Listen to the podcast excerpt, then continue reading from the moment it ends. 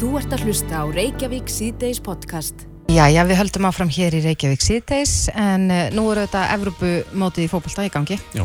og uh, Coca-Cola er ofinber styrtaræðili mótsins. Mhm. Á bladamannafundi í gær uh, settist Ronaldo niður og, og það sem hann gerði var að fjarlæga tvær kókflöskur af borðinu á fréttamannafundi portugalska landsliðsins Mhm. og hann greinlega vildi ekki hafa það í mynd Nei. og maður getur spurt sig mögulega bara vill hann ekki láta tengja sig við Coca-Cola. Mhm. kannski vill hann fá greitt sérstaklega fyrir svona uh, þessi tengsl. Já, já, þetta fær að nóg fyrir slíkt. já, hann er duglegur í slíku. En það sem gerist í kjölfarið er að markasviði Coca-Cola lækkaði um fjóra miljardar bandarækjadal í gær. Þetta eru uh, 490 miljardar íslenskra króna. Mm þannig að þessi maður hefur greinilega áhrif, áhrif af valdur En það verður ekki fyllt sögun eins og segir að hver, hver ástæðan er. Hann fór, fór ná flug, hann vildi sko ít og óallusnur út á borðinu og vera með vatn. Já, hann gerði það, hann svona ítir kókinu í burtu Mhm. og tekur vassflösk og sýnir hana nokkuð greinilega og setur fyrir framann sig Já, þannig að það er alveg Hann hægt að lesa millir vatns. línana Já, já. en uh, bara við erum forvitin að vita hvort það séu margir sem geta haft slík áhrif Mhm. Á línunni hjá okkur er Valgeir Magnússon, stjórnaformaður Pipars, Tipi Vaffa og Ímyndar sérfræðingur, kom til sæl Já, hæ, hæ. Er, er, er þetta einstæmi að, að einhverju maður geti nánast útilokað eina vöru á einu bretti? Við getum nú ekki alveg sagt að hann hefði útólokað eina vöru. Hann, hann læk- lækkaði hlutabriðaverði hjá Coca-Cola. Þetta er áluru áhrifavaldur. Já, já, já, nei, þetta er nú ekkit einstæmi, en, en hann er stór og hann náttúrulega er, hann er ímynd heilbreyðis, hann er ímynd árangus og hann er þarna akkurat í, í réttu samhengi, sko, þannig að þeir sem að fylgja uh, fótbolta, þeir líta flestir upp til þess að manns og, og uh, Kók er búin að tengja sig við þetta mót til að auka sölu sína. Og, hann er raunin að segja ef þið viljið geta eitthvað í fótbolta þá eigið ekki að drekka kók sko, óbeint. Þannig að já, hann hefur áhrif En í hvaða stöðu setur það uh, mótshaldarana sem að uh, hafa vantarlega komið flöskunum fyrir þarna út af þessum samningi? Já, og þetta er náttúrulega svolítið kjánalegt að setja flöskur á borðið á þess að hérna uh, ganga frá því við leikmænina að flöskutin eigi að vera þarna Mm og, uh, og, og, og alveg nákvæmlega eins og Ronaldo sko, hann vill ekki láta tengja sig við kók og akkur ætti hann þá að vera með kókflösku fyrir fram að sig. Það er verið miklu sniður að vera með bara mynd eða vörumerki fyrir aftanan sem að þú tengir hann ekki persónulega við það sko. Þannig að uh, þetta eru náttúrulega sko þetta eru mistök í, í, í svo kallu product placement og, og, og virkar akkurat öfugt. En Ronaldo er bara algjör ofur stjarnam á segja, hann uh, er frábæri Já. fótbolta og svo er hann með 300 miljónir fylgjenda á Instagram til dæmis. Eru, eru er margir aðri sem geta haft slík áhrif? Já, bara á mismunandi sviðum, sko. Svo þarna hittir hann akkurat á, á svið sem að hann hefur líklega einna mest áhrif. Og þessi drekka mest kók er ungi kallmenn og hann hefur mikið, mikið áhrif á unga kallmenn. Þannig að, hérna, þannig að uh, þetta passar allt og í samhenginu í fótbolta, þannig að uh, þetta passar allt saman og, og, og verður að svona stóru dæmi. En kók getur nú samt alveg uh, verið sáttir sko. Hlutabriðaverðin hjá þeim verið í hæstu hæðum sko sögulega. Þannig að þó að hafi tekið smá dífu þannig að sko rárættir í tíman þá, hefur verið að hækka all verulega fram að þessu móti. Þannig að Já, Kók hefur náttúrulega fengið auglýsingu fyrir þetta uppátæki. Já, ég hef bara hefa tilfinningunni að sko þetta mingi ekkit söluna hjá kók. Nei. Þetta mingaði sko trú markaðarins á að það yrði aukin sala út af þessu móti. En Ronaldo er áhrifavaldur og, og á náttúrulega marga, og hefur marga fylgjendur, en heldur að margir hætti að drekka kók sem að, sem að hérna, fylgjónum að máli og svona, hafa hann sem fyrirmynd? Eflaust munu einhverjir hægt að drekka kók eða einhverjir sem að drekka lítið kók bara ekki auka við sig eða síðan eru einhverjir aðri sem að eru háður kóki og þeir bara fá, bara, fá sér bara kók við að bara sjá allar umfyllin um kók. Alveg svo reykinga sko, umfjöllun það var að segja rætt að reykja og reykingamanniski þá langaði bara síkvæmtu þú að heyra það sko. Akkurat, en það hefur stundu verið sagt í svona markarsfræði að, að sko, öll umfjöllun er af hennu góða á það líka Já. við um þetta Já, já, ég er alveg vissum það að það, það, það, það á ekki eftir að seljast minna kóki heiminum eftir þessu umfjöllun heldur jafnvel meira. En, en kók er nú á þannig stað að það er alltaf fyrir augunum okkar einhvern veginn hvort þið er. Þannig að, að það, þetta á nú meira við í þeim tilfellum það sem er erfitt að koma sér á framfæri. En þetta sýnir okkur bara mátt uh, áhrifavalda í svona stóra samlinginu. Já, bara mátt sko mátt þeirra sem að hafa rödd Já. hann hefur alltaf verið mjög mikill Mhm. hvort sem sko samfélagsmiðlar voru til eða ekki en þetta gerist ekki gegnum samfélagsmiðlar þetta gerist bara gegnum stóru fjölmanara Einmitt. Valgeir Magnússon, stjórnaformað Pipar, TB2 og ímynda sérfræðingur. Kæra þakki fyrir spjallið. Takk sem leiðis Þú ert að hlusta á Reykjavík síðdeis podcast. Reykjavík síðdeis heldur áfram.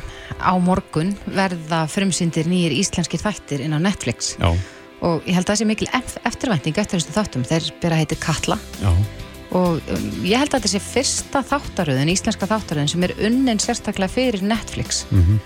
og uh, Baltasar Kormokur, hann leikstýrir þessu og það er einvala lið leikara sem að, að príða þessa þáttaröð. En Baltasar er á línni í betni frá Suður Afríku held ég, Já. sæl Baltasar Nú sálum við.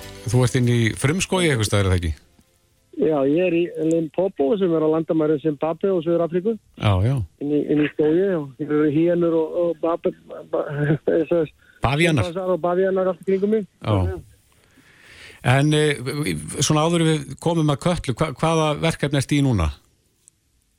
Ég er að gera mynd sem heitir Beast og með ég dreifst Elba í Afríkurki og gerir sinni í Söður Afríku. Þetta er fyrir Universal Studios. Þannig að Spennandi Já. En, en eins og ég sagði, þá, þá er Katla frumsýnd á morgun og ég held að Íslendingar býði spenntir, það er nú alltaf gaman að sjá nýtt íslenskt efni. Uh, getur þú sagt okkur aðeins frá þessu? Mér held ég að við heyrti í henni Guðrúnu uh, leikonu í bítinu í gerðmorgun og talaði um þetta væri svona einhver hálfpartinn vísindaskálskapur. Já, það má segja það, sem að byggja á þjóð, íslenskir þjóðtrú, vísenda skálskapur sem að vissar í íslenska þjóðtrú, það meikar eitthvað sens. Ég kalla þetta psychological sci-fi, eitthvað það. Ég veit ekki hvernig íslenska þýðin því hingin er það á því, en, en hérna, en þetta er sem sagt, uh, ég vil meina að, að, að heimur sér flóknaði svo að það sé bara eitthvað velja, það er ímyndið sem gerist bæði innra með okkur út í geiminum sem að við ekki fulltara skýringar á Mm og, og þetta, svona, þess, þetta ferðarlega er, er meira inn á við heldur en út á við, tengist þessu eldfjalli og, og einhvern veginn þjóðsögum og því sem er gert í, í, svona, í okkar þjóðtrú varðandi eldfjall. Já, hver, hver er sögu þráðurinn? Það er að segja hvað, um hvað fjallar þessi þættir? þetta er, þetta er en fólk sem er, er, það er kallið búin að gjósi heilt ár sem er óinlegt, það hefur ekki gert áður og, og, og þegar aðeins örfáði sem eru á vík, víkur hérna, svæðinu, víkur virtal, eftir svona til það, til það bara eh, gæta að eignum og, og, og, og löggæslu á svæðinu og, og túristar farin á svæðinu eitthvað slikt en að- en að hindra það þannig að og, og það er allt undir ásku hérna, svæðið. Og, og sem sagt, aðalkarakterinn Gríma sem að Guðrún leggur eh, sem hefur mist sýstu sína við upp á eldgóðsis og hefur ekki alveg sagt sem við hvarfuna, hún hefur ekki fundist og, og, og, og síðan byrja ekki raskir sérkjörlega aðturur sem að tengja fórtíð og, og þáhyggjum og, og, og áföllum sem fólk hefur lent í og, og það hef- fer að vekja það upp og, og vinna eitthvað úr sínum áföllum. Það er raun og verið snýr inn á því uh, sagan og þetta er, þetta er mjög marg slungi og margi karakter sem kom við sögu og, og bæði fortíð og framtíð sem tengist inn í þetta. Já, hver svo- semur handritið? Já, sko uppalega hugmyndum var mín en svo vann ég þetta með Sigurðinni Kjartansinni, Ólaður Egil kom að þessu og, og Milja Sigurðardóttir og Davíð Þór eh, sem er ungur handriðsóndur nýðstöða Kolumbía við unnum þetta í sammenningu. mann er hljóm, það hljómar svona aðeins eins og að sé eitthvað svona yfirnáttúrulegt uh, yfirnáttúrulegur blær yfir þessu. Eh, verður maður hrættur að horfa? Sko það er vonandi svona, svona blanda af, af spennu og smá horror en, en, en, en kannski mysteríu fyrst og fremst. Það er það, er, það fer að koma, koma hlutir undan jöklinu og það veitum ekki hvað er undan þessu jöklinu, við höfum aldrei séð það. Þeir eru svo að mannkynni skrefa fætur. Mm -hmm. þannig, að, þannig að það eru alls konar möguleikar og svo snýst þetta um sko átök á milli uh, þjóðtrúar, guðstrúar og síðan, síðan hérna vísinda. Já, já og það er vísindamenn sem fara upp á jökulinu og skoða þessar brey, breytingar í, í, í berginu og þeir sem að koma upp úr og sem þeir er auðvitað að finna skýringar á.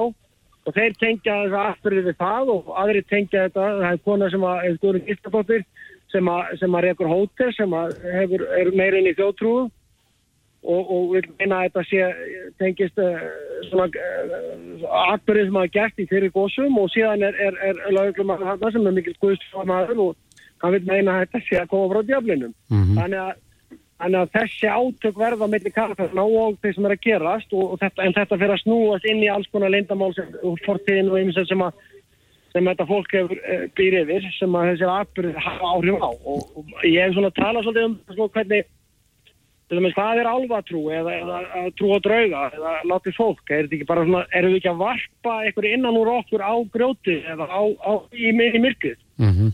Eh, alvar alltaf veisluborð og klættir fallegum fötum þegar Íslandika byggði máltakofum og áttu, áttu ekki uh, mat almenna allavega og, og, og, og þá pröfu eftir að fólk eitthvað mættingum uh, draugur er sannlega eitthvað sem að fólk eftir að hanslu inn, inn, inn, inn í myrkrið og fer að sjá hluti og þetta finnst mér áhugaverður vingil en ég er að skoða þetta á við í öðru ljósi mm -hmm. í heldur en kannski hefur gert áður í samvætti í kannski þjóttrú Já En uh, Baltasar, þessi þættir eru gerðir fyrir miljónamarka en það er fyrir Netflix. Va var alltaf ljóst að þetta er leikið á íslensku? Já, það var ekki með að búið, það var áhugið og J.J. Abrahams fyrir ekki að hlusta þessu áhuga í bandaríkjum, við vildi gera þetta í Kanada eða Hawaii, þess að hugmyndin góður, ég var ekki til í það. Nei. Þannig ég eh, fór ekki inn í það og því að hún kenti þetta tíma áður en Netflix kom á borðinu. Mhm. Mm og, og, og þetta var stótt og flóki verkefni það var búið heilt elgóðs og leggja heilt torp undir. Þannig að, þannig að þetta var það var ekki fyrir nettus kom, kom aðeins og þetta var hægt að gera þetta eins og ég vildi gera þetta sem var á íslensku. En það er reynda sænski leikari í þessu líka. Það er einn sænski konar sænsku leikari sem kom aðeins mm -hmm. að, en aðeins leikar þetta allt íslenskt og það er mjög merkilegt ég held að kannski fólk átti sig ekki alveg á því hversu að, að, að, að sé Erlend stúdíu að framleiða verkefni sem er algjörlega íslensk hugveit, íslensku leikurum og íslensku tungu og leggja inn í, í íslenska menningu í alltaf tvöföldu ársfallegi kvimundarsjóð mm -hmm. til þess að gera þetta. Heldur að... Þannig að Já, Já, heldur að þetta sé ekki góð landkynning fyrir okkur, nú eru þetta virst eldgós í gangi og þannig er þetta að fjalla um eldgós heldur að þetta muni trekja fólk hingað? Ég, eh, ger ekki, ekki, ekki kvöngmyndir að sjónastætti á, þeim fórsendum, en það er ekki ólíklegt. Ég veit að það er ófarið hefur eh, allavega það er mjög mikið fólki sem er komið til landsins og fara á seglumfjóð og viðar og skoða guðlahúsi og svona. Mm -hmm. ja, ef að eitthvað þá finnst mér ekki ólíklegt með að hvernig það er eigafærlega þetta er líkara góðsinn í eigafærlega kvölli góðs, sprengi góðs og, og, hérna, og eru það og, og það var alltaf vaktið gríða aðtryggja á sínum tíma þannig að þetta er svolítið inn í það og reynur að sprettur hugmyndin upp frá eigafellagósi og fór ég að spá í þetta og ég heyrðist eitthvað á Fox. Það var að fréttum það að kattan ekki ósað um því heimurinn farast. Ég held að það var ég að trúa upp og allt annað á Fox. Mm -hmm. en, en, sko, en, en þá fór ég að pæla í þessum, þessum hugmyndum í kringum um eldgós og, og sögum í kringum eldgós og alls konar það eru prestar að stoppa raunið þessum þekkjum og það eru alls konar þjóðsögum sem tengjast þessum aðbörðum það hafa alls konar uh, þjóðsögur um fólk sem er komin undan ösku, breytt ári síðar eftir að týndist það er alls konar svona skemmtilega sögur sem er nýtt okkur í þessu og spunnum svo í kringum Einmitt. Eh, rétt aðeins í lokin eh, þessi mynd sem að þú ert að vinna núna með Ídris Elba í Suður Afríku, er þetta spennumynd? Já, þetta er, er spennumynd um fjölskyldföðu sem það með dæli sínar á, á, á, á slóður móður sem að, sem að, það voru þetta skilin og hún les, hefur að látist að fara í þá færð sem hún hafi lofað sem að fara með þær inn, inn í, inn í svona frumsko Afríku og, og hérna og þar gerast óvæntir atbyrðu eins og við gætum að vilja gerast í kveikmyndum. Mm, akkurat. Það er mikið, mikið spenna og mikið hansar en, en líka Ídris er náttúrulega frábæð leikari líka og þetta er, þetta er bæðið svona blandaða drama og spennu. Já, þú skilja hverju til hans frá okkur? Já, ég gerði það, hann er hérna hægt, já. Já, akkurat. Baltasar Kormákur. takk fyrir þetta, Baltasar Kormákur. Já, takk fyrir þetta og bestu hverjur til Suður Afríku. Já, gerði það, gerði það sömurlega. Hlustaðu hvena sem er á Reykjavík C-Days podcast. Reykjavík sýtis á bylginni heldur áfram. Um, í fréttablaðin í dag var greint frá því að, að það stendur til að bæta þremur tegundum mm -hmm. Á bannlista yfir hundar sem ekki má flytja til landsins. Já, hvers vegna er það? Fylgdi það suðinni? Þetta er ykkur, já, sérstaklega hættulegir hundar en gæsalappa skilst mér, það eru mm -hmm. fleiri hundar á listanum. Þetta eru ykkur nokkrar hundategundir en, mm en nú verður að bæta þessum þremur við. En mér skilst það er, er náttúrulega allir par ánaðir með þetta, par sáttir með þetta vegna þess að uh, þetta getur verið falst öryggi að, að benda á einhver ein hundategund sem hættulegur en önnur. Mm -hmm. Á línu hjá okkur er Freyja Kristinsdóttir, hún er dýralæknir og formaður félags ábyrgra hundæganda. Komdu sæl. Já, komið sæl. Já, hvers vegna er þetta gert að, að bæta uh, hundum á þannan lista yfir, sko, já, á þannan bannlista? Sko, ég get náttúrulega ekki alveg svara fyrir margt, en Mér finnst líklega að markmið sé að skapa þegar markmið sé að skapa örugara samfélag mm -hmm. og við erum svo sem hérna algjörlega sammála því markmiði. Við viljum að það sé skapað örug samfélag hunda og mannfólks en já, okkur finnst það kannski ekki verið rétt að leiðin. Við viljum samt ekki tjá okkur um einstaka hundategundir og þessar frjár hundategundir þekki ég ekki persónlega. Mm -hmm. En það sem stingur okkur kannski mest við e, þessa breytingu þarna, það er svolítið orðalag sem er líka verið að breyta. E, og það stendur sagt, að, að eh, mast geti, þetta stendur í lokin, að mast geti e, bannað aðrar hundategundir eða blendingar samkvæmt mati matvælastofnuna hverju sinni, mm -hmm. en áður fyrir, þetta er gamlu reglgerðinni, það stendur samkvæmt raukstudri ákverðin matvælastofnunar. Þannig að þeir eru að taka rauksteiningin út. Uh, þannig að þeir geti raunin með sínu gæðþótt að bara banna hvaða hundategund sem er. Já, já.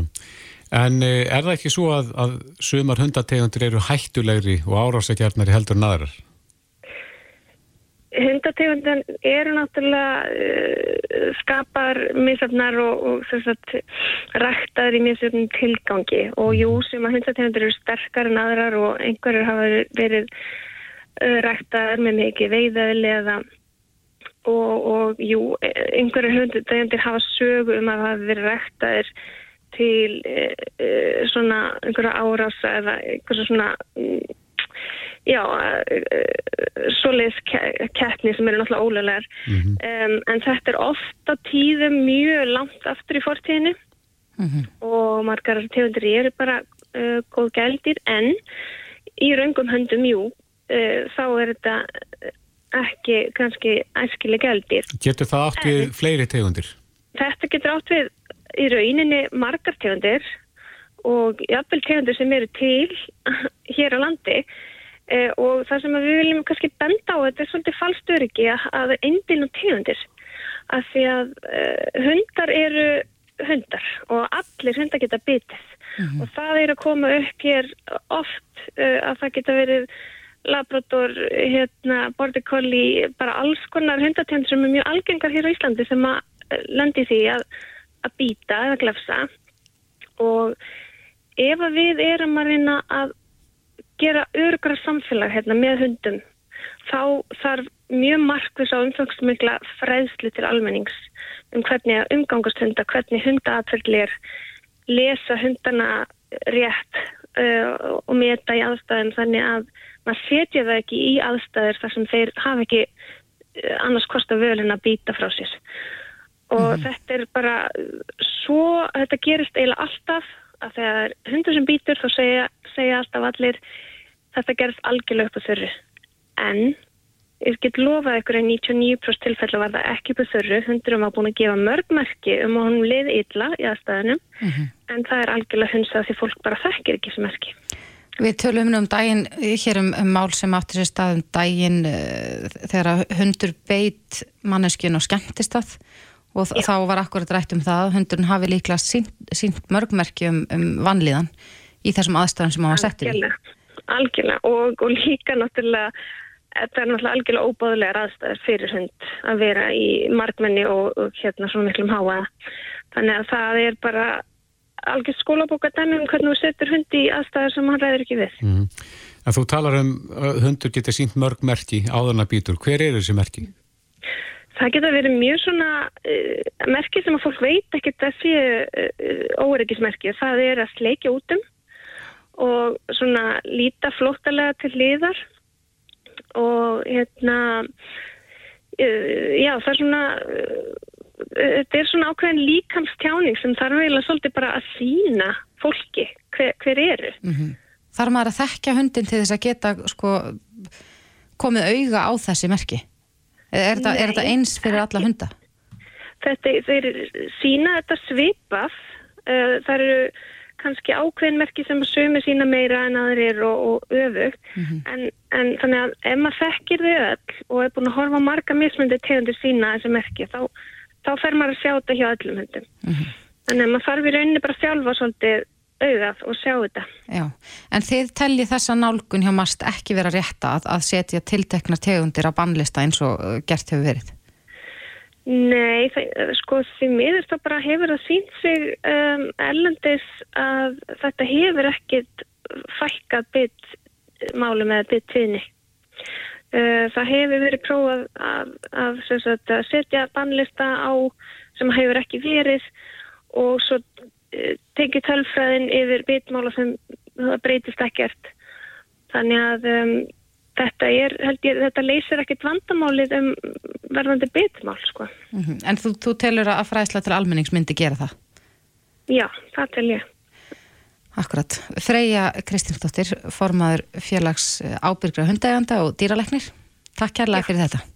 Já, takk svo með. Reykjavík síðdeis á bylginni.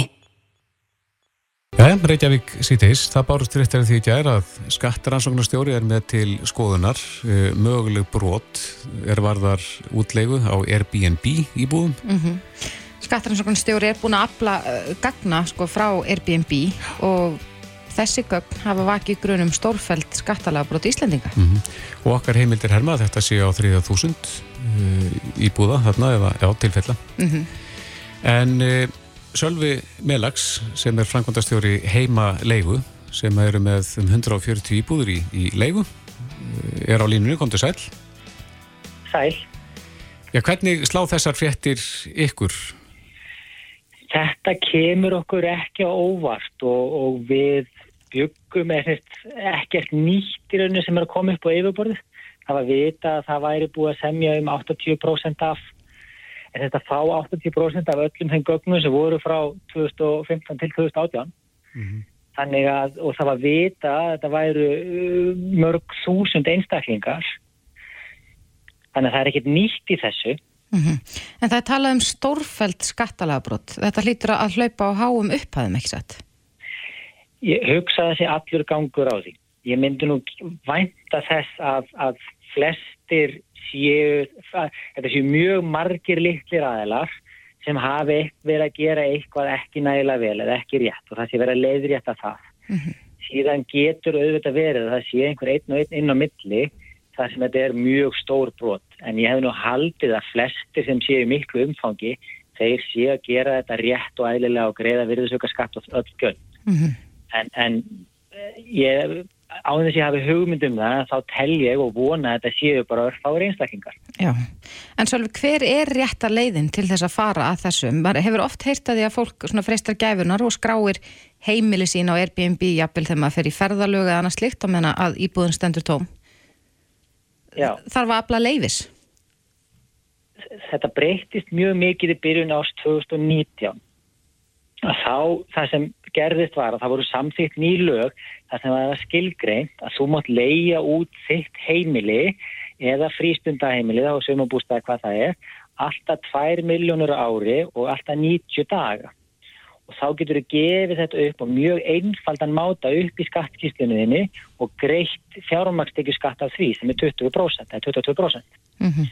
Þetta er eitthvað sem er rosalega skýrt í dag en var ekki skýrt árið 2015, 16, 17. Sem að þessi rannsókn er til?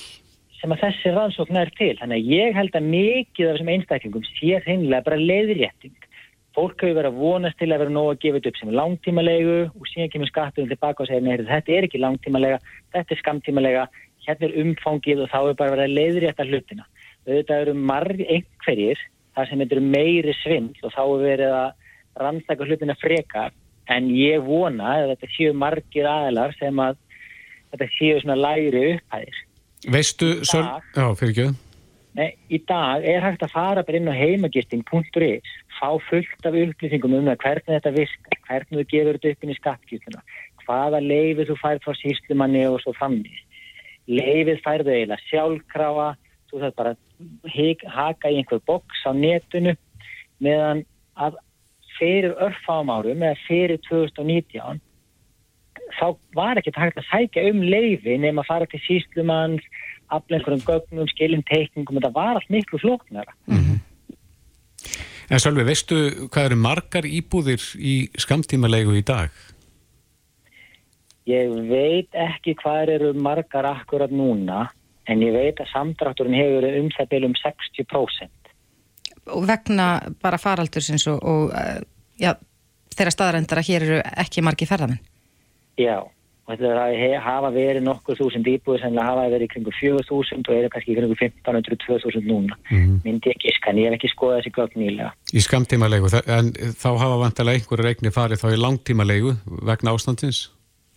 Það hefur mjög mikið eignum farið í langtímalegu að farið í sölu og maskarinn hefur náttúrulega bara þróast og breyst mjög mikið og þetta er ekki bara skattala liðin, þetta er líka leifislega liðin sem hefur breyst mikið mm -hmm. það var hægt að fá leiði næstu við hvað sem er fyrir skamtímalegu fyrir kannski 6-7 árum síðan.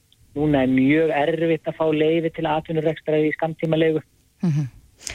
En Sölvi, þú talar um að þessar reglur breytist árið 2019, í upphafi ást 2019, en þessi brot eru talin á vatsi stað frá árunum 2015 til 2018. Getur hver sem er sem að, að mögulega skráði íbúðina sína á Airbnb á þessum tíma átt von á, á Eh, símtali frá skattrannsóknastjóri heldur? E, já, heldur en það er ekki vonu símtali, ég heldur að ég vonu brefi en, en já, allir sem hafa ekki gefið hlutina rétt upp á þessu tímabili þeir geta átt á átt vonu á einhverju viðbúrum frá skattinum vegna þessa. Akkurat. Sölvi Melags, frangatastjóri heimalegu, kærast þakki fyrir þetta. Takk svo mjög. Þetta er Reykjavík C-Days podcast.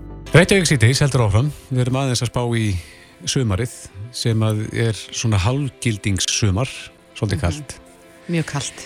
En eh, okkur hefur líka verið bent á að eh, skortiralífið er kannski ekki eins og við erum vöðan að sjá það við sumartíma. Ég hef til dæmis ekki rekist á geitung í sumar. Ekki heldur, ég er búin að sjá nokkra humlur. Já, ég hef ekki séð humlu lengi. Nei. Nei, þegar ég hugsa um það, þá kom svona smá tímpil hérna þegar kom svona þykist svumarinn í mæ Já. þegar það var gott við erum í smá tíma þá Einmitt. voru nokkra humlu svona læðast um en ekkert undarfarið. Nei, e, því miður, þá eru þeir ekki að lausu skortirafræðingarnir hjá náttúrufræðistofnun þeir eru bara einhvers þar lokaðir í neða úti ég veit ekki hvað, en, en þeir sem eru með pötan á pólsunum þegar það kemur að e, skorkvíkindunum eru meindiræðar Steinar Marberg Egilson meindiræðir er á línu, kom til sæl Sælurðið Já, þú hefur farið í mörg útköll undanfærin ár, uh, það er að segja geitunga útköll.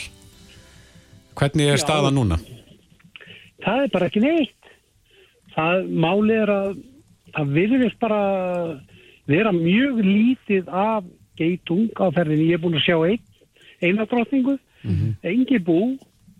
Uh, ég sá humlunar í lok april byrju mæ en síðan hefur það bara dottið niður en bara allt kerfi viskari virðist vera svona einhverju slow motion núna.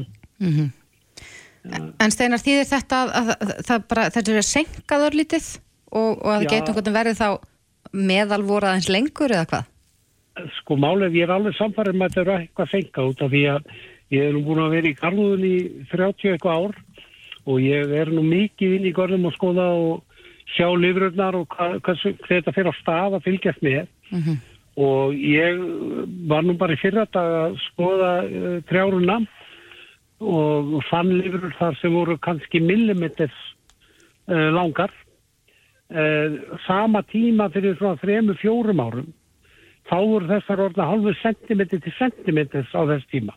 Já, Þannig að þetta viðist allt, það, það er bæði þurrkarnir í, í vor, kuldin, þetta er allt eitthvað tveimur, þreimur viku setna og trjágróðurinn bara yfir höfuð. Og ég held að dýralífi bara fylgi því. já. En e, já, þú segir að þetta er, hefur verið svona undanfærin ár. Já, ég er, eins og ég segi, ég er búin að vera í þessar garðun í yfir 30 ár og ég hef nú alltaf haldið svona dagbók hvernig ég byrja úða, uh, hvernig ég verð var við að hérna, það sé komið í tvénana og fyrir svona 10-12 árum þá vorum við að fara á stað svona í kringu 22. 25. mæ við byrjum 11. júni núna þannig að þú veist þetta er miklu setna og sumstaðar eins og fyrir austan fjallvana þar er þetta alveg viku tíu dögu setna heldur en til dæmis í bænum Ah, þannig að það er, það er eitthvað sem að í veðurfarming sem gera þetta er allt mun hægra en til að svara við spurningunum með geitunguna að það, ég get alveg lofaði því að þeir koma og það er bara spurning eh, hvenar þeir vakna almennilega þegar að lína þá fara þeir á stað og það getur alveg magnast mjög hratt upp En eh, já, þú ert meindireiður og þú hlýtur að fást við eitthvað annað fyrst að þessi verkefni er nú að fresta staðins. Hvað er helst á döfinni á þér? Eins og er núna, það er voðalega lítið nema bara, það er eitt og eitt rótt útkall og það er ímislegt á heimili fólks, silfurskottur og, og, og hambjöllur og, og annað fílíkt. Mm En hvað er róttur helst að þinna? Það er yfirleitt róttur, ég skilgreinir að, að þetta er svona í meðfram sjávar uh, hérna, komar að segja, svona sjávarströndum, já.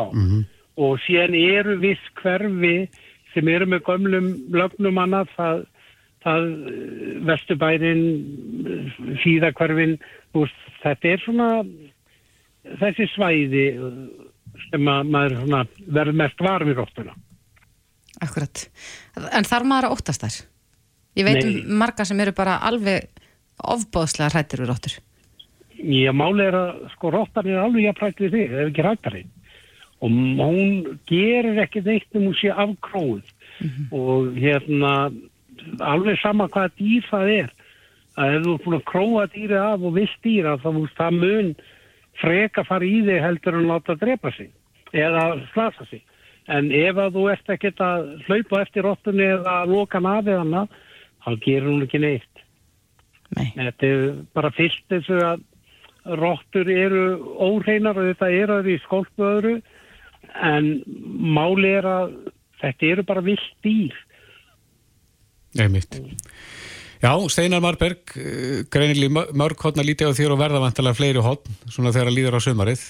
Já, við bara vonum að leiða þetta frá lína þá fer þetta allt á stað og sumari kemur Já, og, og hérna við fáum bara sumari september líka. einmitt. Þetta helst allt í hendur, gróðurinn og, og skortirinn. Ekki spurning, ekki spurning. Takk fyrir þetta, Steinar. Hefur minnsta mál, takk fyrir. Reykjavík síðdeis á Bilginni podcast. Á morgun er 17. júni. Já. Hæ, hó, ég bý ég og allt það. Einmitt. Það er alltaf nógum að vera á þessum degi en, en við vitum það auðvitað að það eru samkomi takmarkanir en þá, það með að 300 manns koma saman og, og það hafa nú oft verið ja, margfalt fleiri í miðbænum á Já. 17. júni. En verður eitthvað gert í ár? Já, ég sá eiginlega alveg æðislega auglýsingu fyrir 17. júni sem að þeir leika í uh, stjörnurnar í þáttunum æði sem er á stötu Marðan, nei stötu Plus fyrir ekki. Mm Þeir uh, Bassi Marás, Binni Glí og, og Patrikur Hæme, þeir Já. eru eh, að auglýsa og þeir töluðu þar í auglýsingunum Klambratún og Hljómskólagarð og, og fleira. Já. En það er spurning hvað verður á döfunni? Á línunni hjá okkur aðalheður Santos Sveinsdóttir, verkefnustjóri viðburða hjá Reykjavíkuborg, kom til sæl. Sæl og bless. Já, verða hátíðahöld á 17. júni? Já, þau að verða háttjórum svo sannlega en þau verða svona í lástendari kantinum út af eins og því nöndu, það með að 300 manns koma saman. En þetta byrjar svona með hátilegri aðtöfn á Östuvelli sem er í bytni og rúf, þar sem fjallkonan flyttur ávart á samt fórstættisræðra. Svo eftir hátegi þá erum við með sem sagt, í, á Klapprótunni og í Hljómskólagarði, þar verða matarvagnar sem að fólk getur gætt sér á mat og sirkuslistafólk, glötustóðar, dans og svona ímislegt. Já, Já, verður, verður dagskráin svolítið drefðum um fleiri svæði til þess að forða svona mikill hópamyndun eða hvað? já, það verður sem sagt dreift um alla miðborgina. Það verða listópar og dans, kór, lúðrasveitir, bara á svona vappi um miðborgina þannig að gæti poppað upp þar sem þú ert akkurat lúðrasveit, lappa fram hjá þér eða kór eða dans eða listópur. Þannig að við erum svona að reyna að dreifa álæðinu. Já, þannig að þessir hópar verða eitthvað á ferðinni þá. Akkurat, já, Já, já. milli 1 og 6. En gerir þið ráð fyrir því að, að margir leggja leið sína í bæinn? Það er náttúrulega alltaf einhver sem að fer í bæinn á 17. júni en það er spáð svolítið köldu verði þannig að ég mælu með að fólk fari bara í ullafötin. Mm En er spáð rigningu? Ég, einhvern veginn í minningunni verðist alltaf rigna á 17. júni. Það er ekki spáð rigningu sem er mjög gott. Já, en kallt í veðri. roki, já, kallt, já. Það er allavega samkvæmt veðurspunni. Akkurat, hvernig hefur gengið að, að skipulegja svona dagskrá í kringum þessar takmarkanir og, og, og þvíumlikt? Það hefur bara gengið vel. Við lærðum mjög mikið á síðasta ári Mm og þannig þetta bara ge- gengur. Það bara reynir að gera það sem maður má. Er, eru svæðin einhvern veginn, maður fer- svona að hugsa út í það eru mismunandi hópar sem að leggja leysinni í bæ, annars vegar fjölskyldu fólk og svo kannski bara einstaklingar eða, eða fullornir. Er eh, einhver sérstök dagskrá fyrir börn? Já, ég myndi nú segja að sirkuslistafólk væri svolítið fyrir börn, þannig að það verður í garðanum sirkuslistafólk á milli klukkan já, eitt, eh, tvö og fimm. Já, Þannig að byrja tvö í hljómskólagarðinum og er milli tvö og fjögur og svo þrjú og fimm í- á klampratúni.